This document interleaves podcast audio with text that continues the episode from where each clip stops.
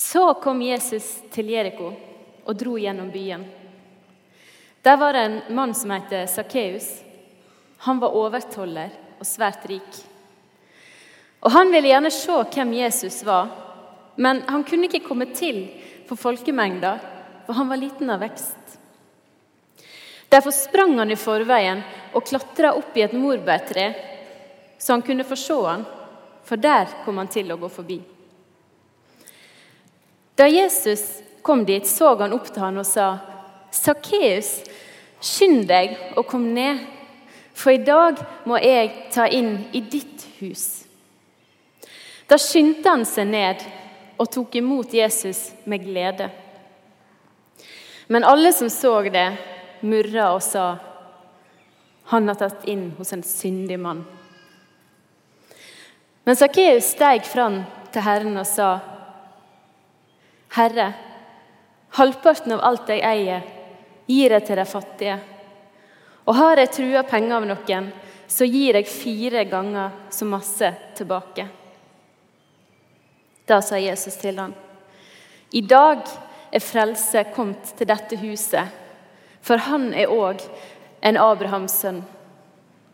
For menneskesønnen er kommet for å leite etter de bortkomne og berge dem. Ok, tenker kanskje du. Nå har jeg reist helt til UL, og så skal jeg få høre den samme historien som jeg har hørt så mange ganger på søndagsskolen før. Skulle det ikke bli litt mer eh, spektakulært og action av det her? Og jeg må innrømme at jeg har tenkt det samme.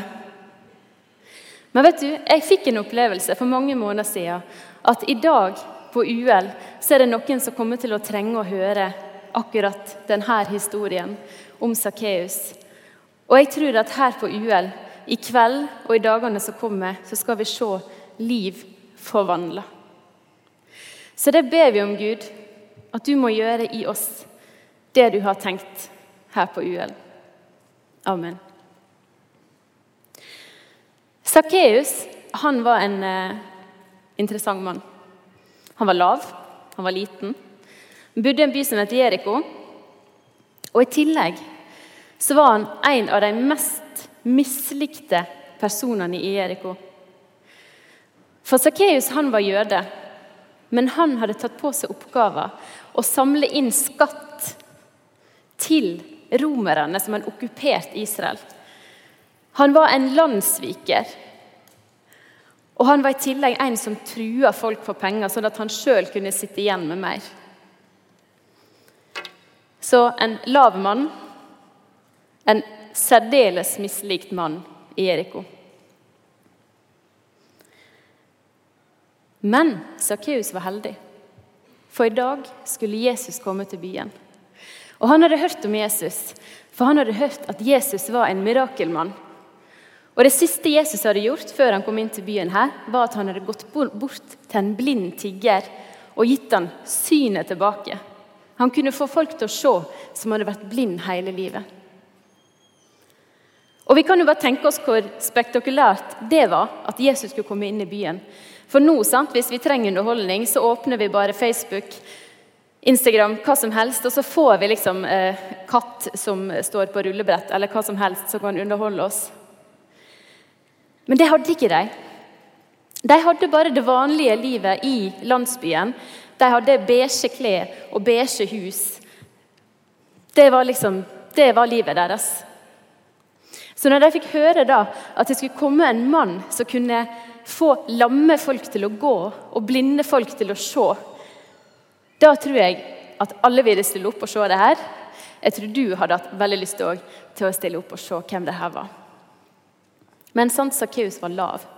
Og Kanskje så ville ikke han vise at han var så veldig nysgjerrig, for han var jo liksom en, en rik, litt sånn outsider. Men jeg tror han var veldig nysgjerrig. Jeg tror kanskje at han kjente at Jesus kunne gjøre noe i hans liv for han var ikke blind og han var ikke lam. Men jeg tror kanskje han kjente at det er ikke dette livet jeg vil leve. Livet mitt er ikke sånn som jeg kunne ønske det var. Kanskje denne her mannen kan gjøre noe med det. Så han, eh, han klatra opp Og det skal dere vite, at på den tida så gikk de ikke så gikk de med sånn kjoleliggende klær. Kjortel. Så han tok denne her kjolegreia og klatra opp i et tre. Rikeste mannen i byen. Det kan ikke ha sett bra ut. Men han ville se Jesus. Og så stopper Jesus opp ved treet. Og før han har hilst på Sakkeus, så vet han navnet hans.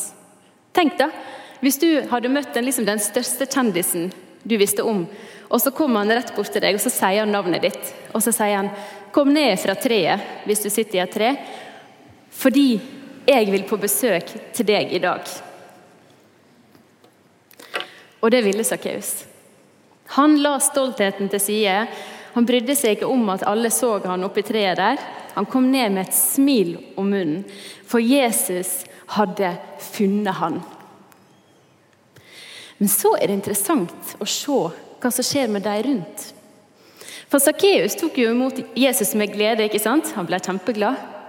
Men de rundt mm, de var ikke så fornøyd. Det gikk ikke sånn der eh, mumling sant, mellom folkehavet at Hva er det Jesus driver med nå?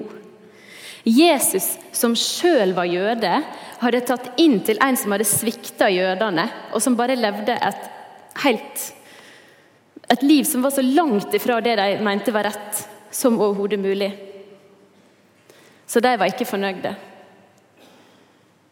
Men heldigvis så skjer det noe med Sakkeus som viser at det var ikke tilfeldig at Jesus stoppa opp der.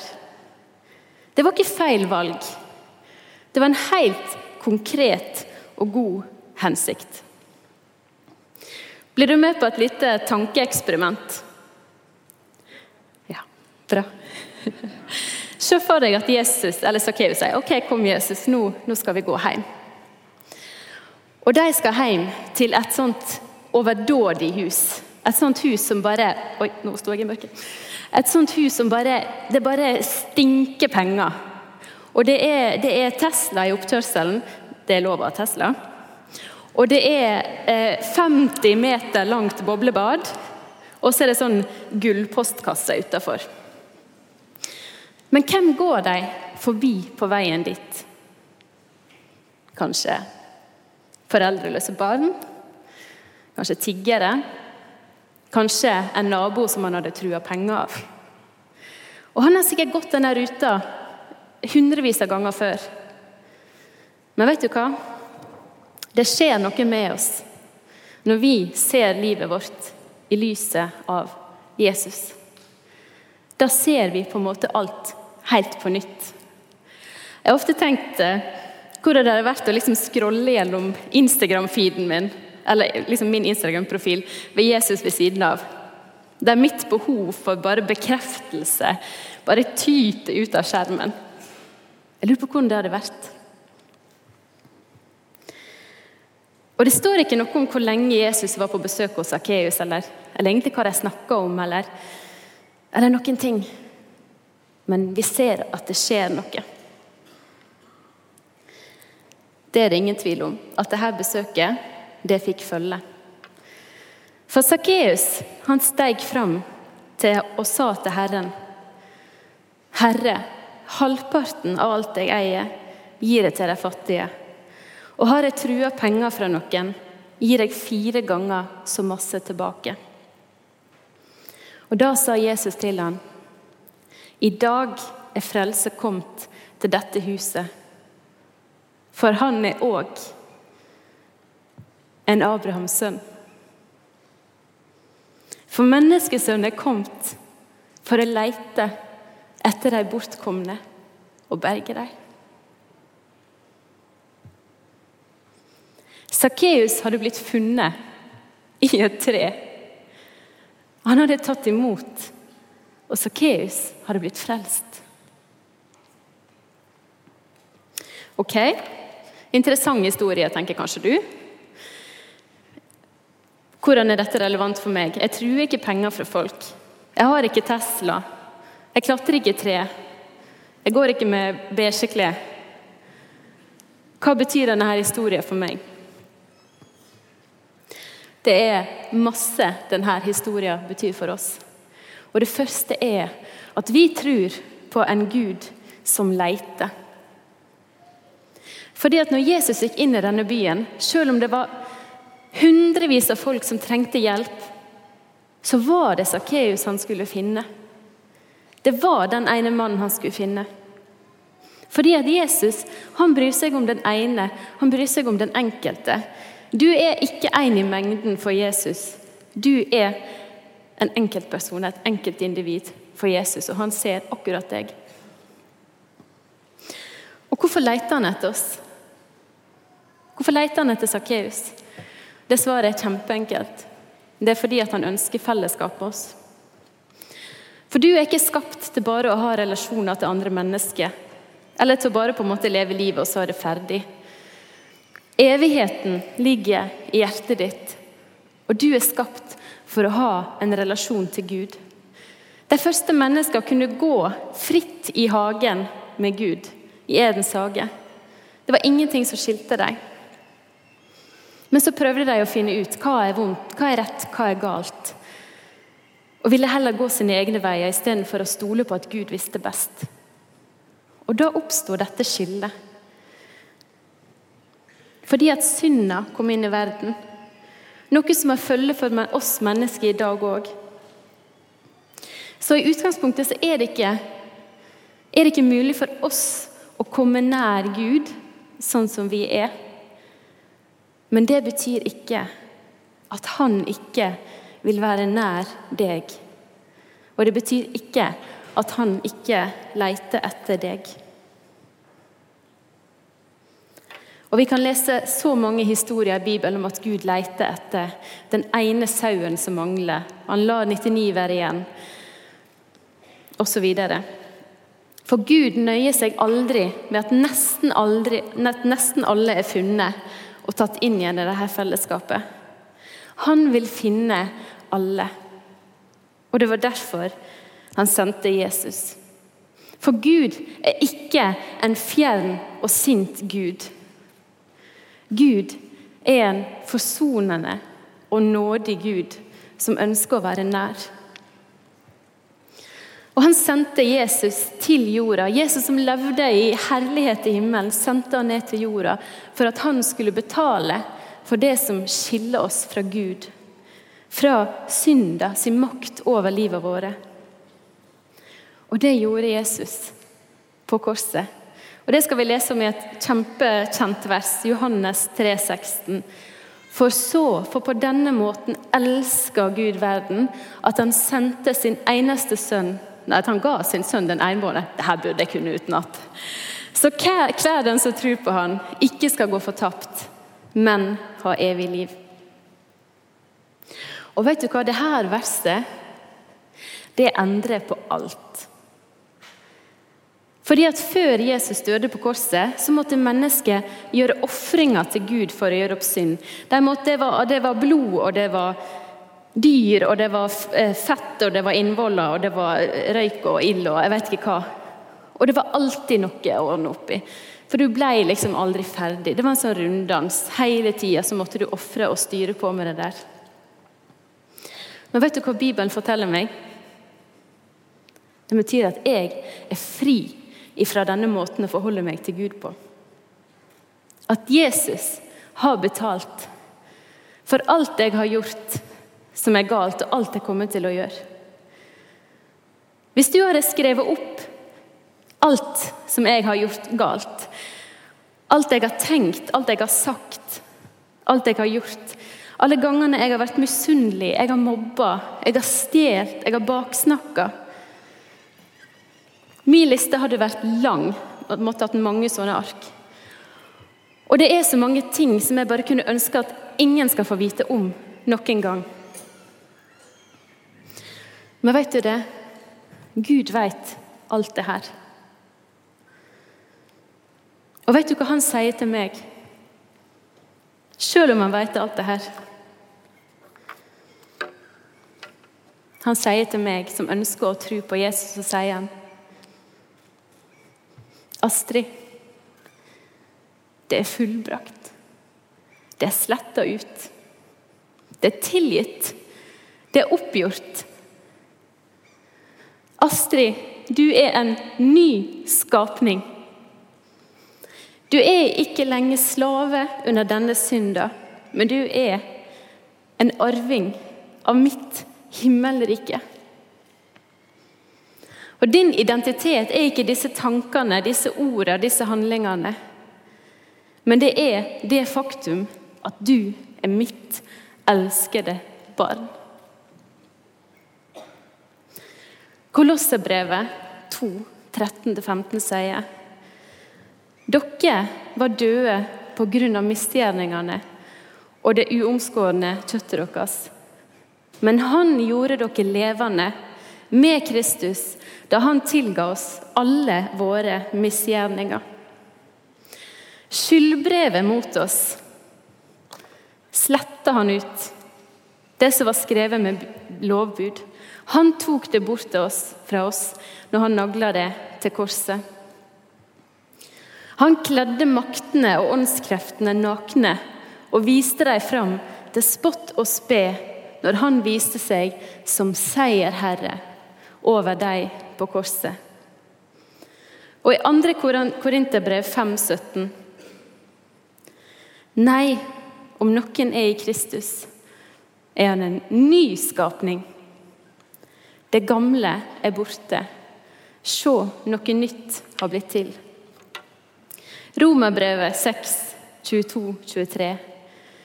Men nå er dere frigjort fra synda og har blitt tjenere for Gud. Og frukta er et liv i helliggjørelse, og det fører til evig liv. For den lønn synda gir, er døden. Men Guds nådegave er evig liv i Kristus Jesus, vår Herre. Og Efeserbrevet 2, 8-10. For av nåde er dere frelst ved tru. Det er ikke deres eget verk, men det er Guds gave. Og det hviler ikke på gjerninger for at ingen skal skryte av seg sjøl. For vi er Hans verk, skapt i Kristus Jesus til gode gjerninger, som Gud på forhånd har lagt ferdige for at vi skulle vandre i dem. Jesus har satt deg fri fra synda sin makt over ditt liv. Og når han får sette deg fri, da blir du helt fri. Og det så vi jo på Sakkeus. Han var bundet av et forhold til penger som tok fra han alt.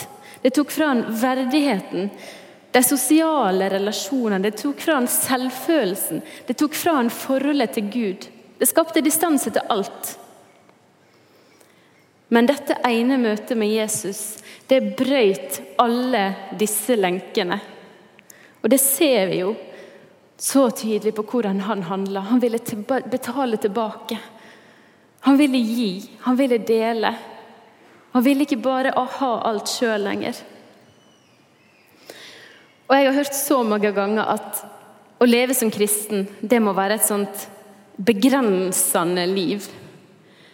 Men vet du hva? jeg er ikke i tvil om hva liv Sakkeus syntes var mest befriende.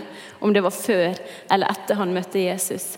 Og jeg er sjøl ikke i tvil om at jeg ikke kan leve på en mer fri måte enn som et Guds barn. Og alt det her, at det er gratis, at Gud, Gud har satt meg fri. Når jeg skal stå foran Gud, så vil han se Jesus, han vil se meg skyldfri. Det høres for godt ut til å være sant, men det er sant. Og det oppsummerer for meg det faktum at jeg er elska av Gud. Og jeg vet ikke med deg, men jeg kjenner at jeg trenger den kjærligheten i livet mitt. Jeg trenger ikke bare Jesus for å få liksom en billett til himmelen, og så må jeg bare gå og vente på å dø, eller at han skal komme tilbake. Jeg trenger alt han har å gi, for at jeg kan kunne leve et liv der jeg har fred, og der jeg kan bringe fred til de som er rundt meg. Og jeg trenger ikke Guds kjærlighet liksom bare fordi at jeg ikke har kjærlighet ellers.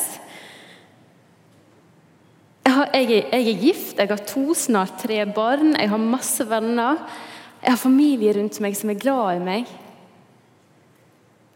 Det er ikke fordi jeg syns synd på meg sjøl, eller noe sånt. Men alle relasjoner, alt livet har, det kan svikte. Men det gjør ikke Gud. For den kjærligheten han har til meg, det er ikke noe som eh, hviler på dagsformen til Gud, men det hviler på noe som Jesus gjorde for 2000 år siden på et kors. Det er beviset på hvor høyt Gud elsker meg. Og Derfor vet jeg at uansett om jeg er høyt oppe på en topp i livet eller langt nede i en dal, så når Guds kjærlighet meg der òg. Uansett. Så uansett hva som skjer i livet, for livet kan være beintøft for oss, så har jeg et fast holdepunkt, og det er at jeg er et Guds barn som er elska med en ubetinga kjærlighet, som ingen kan ta fra meg. 1. Johannes 4,10 sier at ja, i dette er kjærligheten. Ikke at vi har elska Gud, men at Han har elska oss og sendt sin egen sønn til soning for våre synder. Mine kjære, har Gud elska oss så, da skylder òg vi å elske hverandre. Ingen har noen gang sett Gud, men dersom vi elsker hverandre, blir Gud værende i oss, og hans kjærlighet har blitt fullenda i oss. Og Det som er spennende, er at når jeg vet dette, at jeg er elska av Gud, og at, jeg, at, Gud er en Gud som leter etter oss, da gjør det faktisk noe med hvordan jeg møter andre mennesker. For, for som Guds barn så får vi Den hellige ånd, som skaper kjærlighet i oss, og som skaper et ønske om at andre mennesker skal få kjenne på den samme omsorgen og kjærligheten fra Gud. Og, og derfor, når jeg vet det jeg vet, så håper jeg at Jesus sitt møte med Sakkeus ikke hadde fått meg til å liksom murre og være misfornøyd, men at det bare hadde fått meg til å juble og bare klappe igjen av glede. Jeg vet ikke hva. For jeg visste at, at det hadde fått meg til å se mer enn bare det syndige livet han levde. Men å se at i dette møtet så er det en mulighet for at Sakkeus kan gå over fra døden til livet. Jesus var det eneste håpet han hadde. Og han fikk ta imot. Han fikk en ny identitet. Han ble et Guds barn. For vi kan kjenne motstand i det å elske andre mennesker. Og kanskje spesielt de som, som tenker annerledes enn oss. Og lever annerledes enn oss. Men vet du hva? Gud leter etter disse òg. Derfor må, må vi bare be om at Gud må fylle oss med mer av hans sinnelag, med mer av hans fars hjerte, med mer av hans kjærlighet. Og mer av hans lengt etter at alle skal komme inn i fellesskapet med han.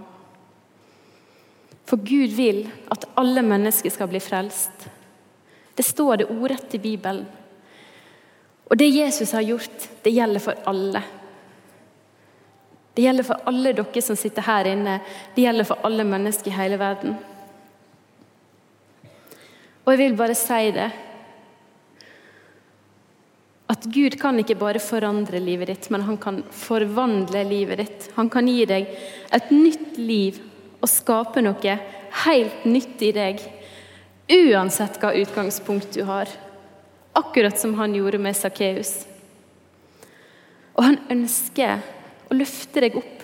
Han ønsker å gi deg et sinnelag som brenner for at andre mennesker skal få oppleve Guds nåde og få kjenne seg elska og få kjenne på en verdighet. Og vet dere hva? Verden, den ligger åpen for oss. Gud har arbeid for oss overalt. Jeg jobber i Narvik. Du er kanskje i Bergen. Eller eh, i Stavanger, eller på Klepp, eller jeg vet ikke hvor du er. Gud søker de som er i ditt nabolag. Og han kommer ikke til å gi seg. Han kommer aldri til å slutte å kalle på mennesket. Jeg håper du blir med på denne reisa.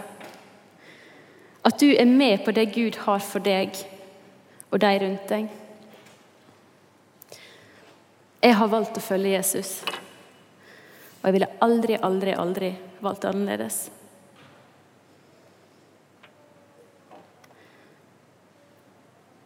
Amen.